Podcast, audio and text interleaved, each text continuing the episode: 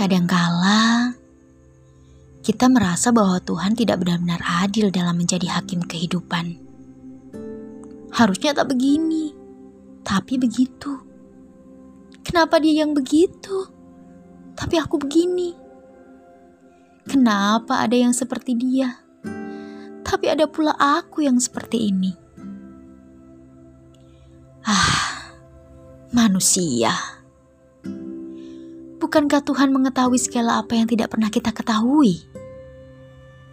Jangan sok menjadi sutradara jika kita hanyalah wayang, dan sebaik-baiknya dalang adalah Tuhan.